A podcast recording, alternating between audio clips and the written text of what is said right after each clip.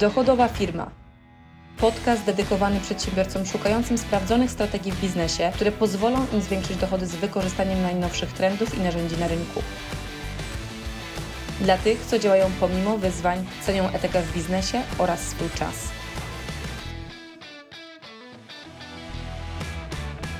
Tym odcinku de facto będę chciała się z Tobą podzielić tym, jak właściwie markę osobistą można wykorzystywać, bo miałam okazję, budując różne biznesy, obserwować bardzo skrajne sytuacje. Jedna z marek, którą e, zbudowałam, to jest marka C-Bloggers, którą od zera stawiałam razem z moimi wspólnikami na nogi i oczywiście taką częścią, którą zawsze ja u nas w firmach robię, to jest organizowanie wszystkiego od A do Z, planowanie, jak również cały dział sprzedaży i to samo było w C-Bloggers.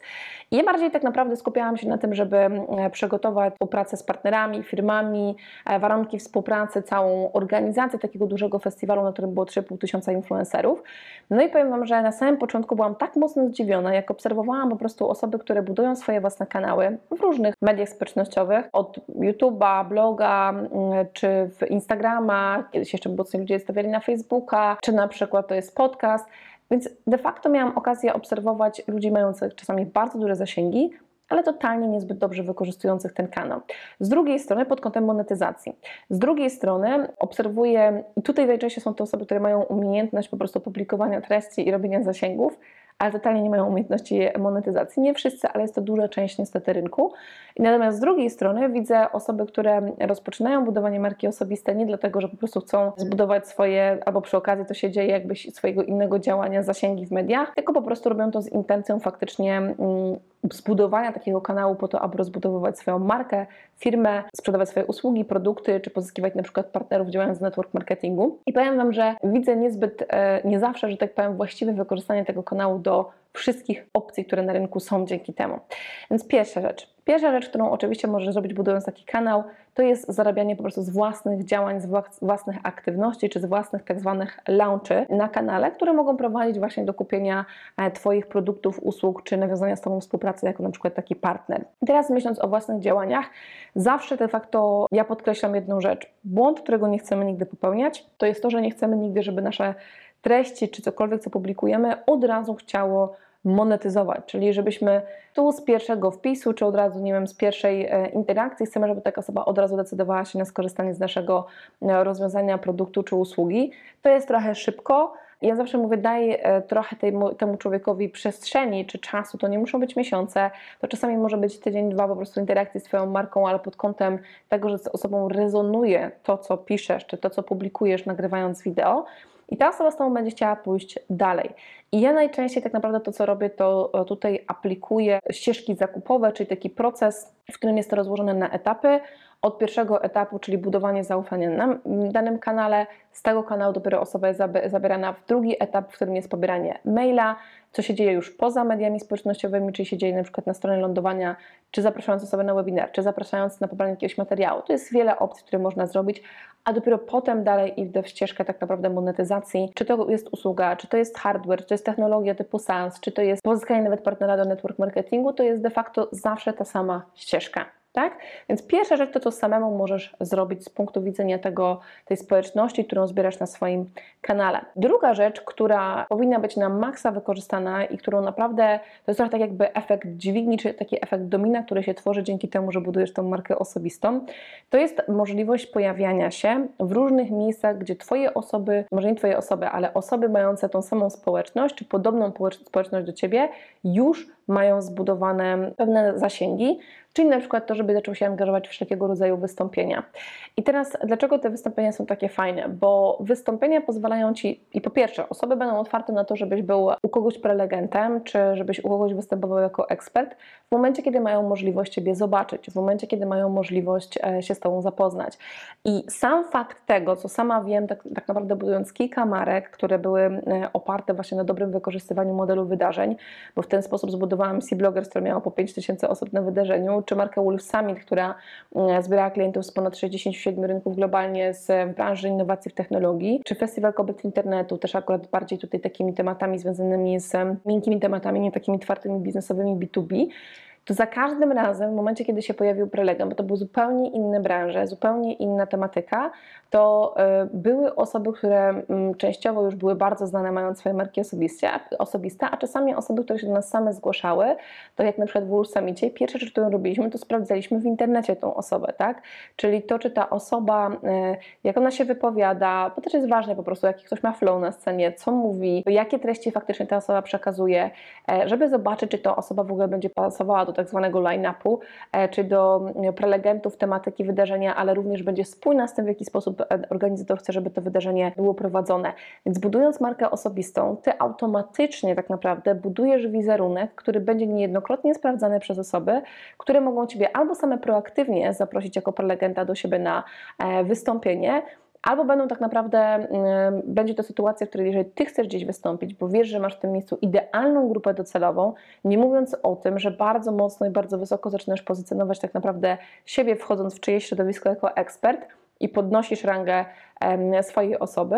to również te osoby, na przykład, jeżeli to jest, to nie tak, że one Cię same znalazły i zaprosiły dzięki temu, tylko Ty się zgłaszasz, to w ten sposób będą Ciebie sprawdzać najczęściej, tak? Czy jesteś osobą, którą powinni wziąć pod uwagę, żeby zaprosić na wydarzenie, nie mówiąc o tym, że mając jakieś swoje zasięgi, zawsze to jest jakiś dodatkowy plus dla osób, które zapraszają prelegenta, no bo wiedzą, że wówczas to też jest dodatkowy zasięg z informacją, która może trafić na temat ich wydarzenia, więc jest to tak naprawdę współpraca wiązana. Więc wystąpienia są drugim tak naprawdę typem aktywności, który bardzo mocno polecam Ci, polecam Ci zacząć wykorzystywać, bo jedno karmi drugie. Ty z jednej strony na wystąpieniach będziesz zdobywał dodatkowych followersów, czyli osoby, które będą do Ciebie trafiały na kanał i będą Cię obserwowały i poznawały dalej. Z drugiej strony budowanie kanału w którymkolwiek z mediów społecznościowych pozwoli Ci po prostu e, trafiać w miejsca, gdzie będziesz zapraszany. Ja na przykład mogę Ci z doświadczenia powiedzieć, że budując markę osobistą już dłuższy czas, z różnymi fazami, bo pod różne tematy biznesowe czy pod różne biznesy, które buduję, wykorzystywałam tą markę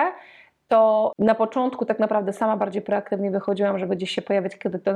nazwisko nie było znane.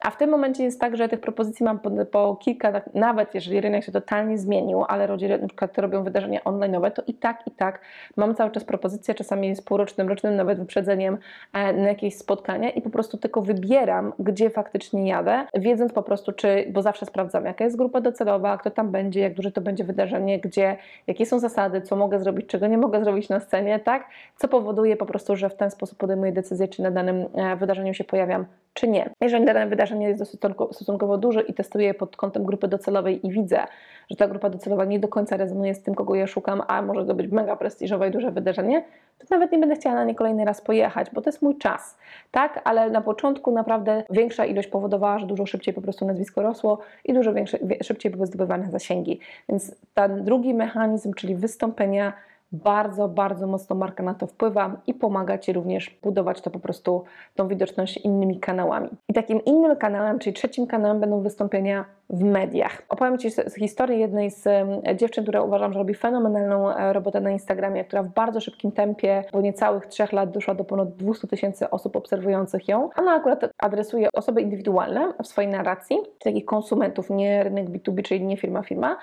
I ona de facto e, w całym tym procesie e, budowania swojej marki osobistej i już osiągania większych zasięgów zwróciła na tyle mocną uwagę mediów, e, takich tradycyjnych mediów, które mają naprawdę spore zasięgi, że nawet media zaproponowały jej tworzenie wspólnego kanału, który po prostu będzie w tematyce, w której ona się porusza, bo media też wiedzą o tym, że ty w momencie, kiedy masz swoje zasięgi, kiedy budujesz swoją markę osobistą, to ty również pozytywnie wpływasz tym, na ich media, to, że ktoś w tych mediach będzie oglądał ten program, czy oglądał, czy to będzie wywiad pojedynczy, czy to będzie jakaś seria tak naprawdę nagrywana, dlatego, że to jesteś tą osobą, która również przyciąga, bo nazwisko już jest bardziej rozpoznawalne, osoba już jest bardziej rozpoznawalna, a dla Ciebie jako osoba, która występuje w mediach, jest coś takiego magicznego, nie wiem, jest coś takiego w,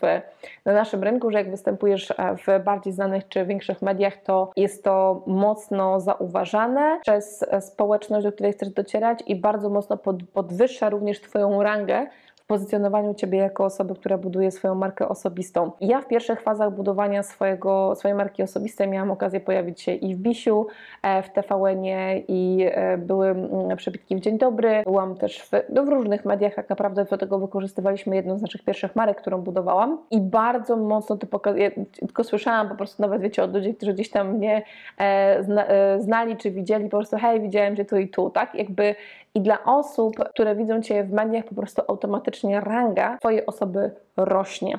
Jest coś takiego w społeczeństwie, więc po prostu pamiętaj o tym, że również to budowanie marki osobistej może Ci pomóc tem, tem, w tym, że ty będziesz proaktywnie tak naprawdę zapraszany i ty możesz zacząć po prostu być w miejscu, które ci da bardzo duże przyspieszenie nie tylko rozwoju twojego kanału, ale również dzięki temu twojemu biznesowi. No i w drugą stronę, w momencie, kiedy ty zaczynasz być już, e, mieć już pewną społeczność w mediach społecznościowych i bardzo chcesz się dostać do danego programu, czy do określonych mediów takich tradycyjnych, to również proaktywnie sam takie zapytanie możesz wysłać, bądź ktoś w twoim zespole. Ja na przykład swego czasu miałam specjalnie osobę, która była zajmowała się tylko i wyłącznie współpracą z mediami czy partnerami e, i to była osoba, której zdaniem między innymi było właśnie uderzenie, uderzanie do mediów i współpraca z mediami. Jedną z takich współprac, e, którą na przykład też no, udało nam się dograć, współpraca z Forbes Women, dzięki czemu nie tylko niejednokrotnie byłam i w artykule, i w wywiadzie w podcaście, i wspólnie z Forbes wypuściliśmy program dla czytelników i subskrybentów Forbes Women, co też jest tak naprawdę z jednej strony wartością, którą oni dostają, bo jest to spójne z tematyką, którą przekazują swoim czytelnikom, a z drugiej strony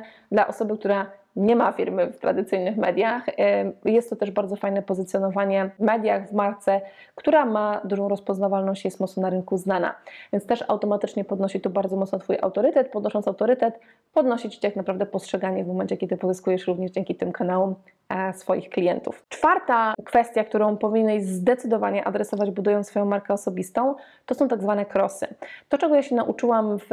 budując e, markę w różnych kanałach, bo i nagrywam podcast, jest na Facebooku, i na LinkedInie, i na Instagramie zaczęłam być też aktywna, i na YouTubie od niedawno, niedługiego czasu, to zauważyłam, że faktycznie w momencie, w którym zaczynasz współpracować z osobami w danym kanale, czy tworząc razem wywiady, czy jakąś serię, czy tak zwane krosowanie siebie, to jest jeden z takich kluczowych czynników rozwoju danego kanału. Wręcz na przykład są takie firmy usługowe, które zajmują się współpracą na przykład z, YouTube, z youtuberami. Weźmy sobie ten kanał i ich zadaniem w momencie, kiedy oni wprowadzają nową osobę i na przykład podpisują kontrakt z daną osobą, która rozwija już jakiś kanał i chcą przyspieszyć rozwój tego kanału, to pierwsza rzecz, którą robią, żeby przyspieszać rozwój kanału, który trafia do tak zwanej ich stajni, bo tak to się nazywa,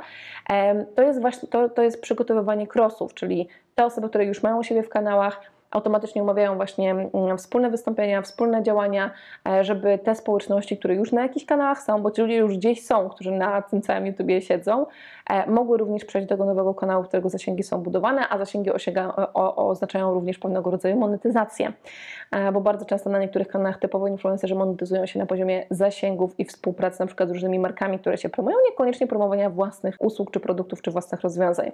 a czasami jest łączone jedno z drugim, więc budowanie takiej marki osobistej daje możliwość faktycznie z jednej strony Tobie pozyskiwania klientów i rozwijanie Twojej marki, ale w pewnym momencie możesz też podjąć decyzję, żeby współpracować z innymi markami, które są dla Ciebie komplementarne, nie konkurencyjne i również to w określony sposób monetyzować. I tutaj mówiąc o tych krosach, to, co ja miałam okazję doświadczyć i okazało się, że potem znalazłam potwierdzenie wiele razy na rynku u innych osób, to jeżeli na przykład chcesz rozwinąć podcast, to szukaj współpracy z podcasterami. Jeżeli chcesz rozwinąć Instagramia, szukaj współpracy z Instagramerami. Jeżeli chcesz, szukasz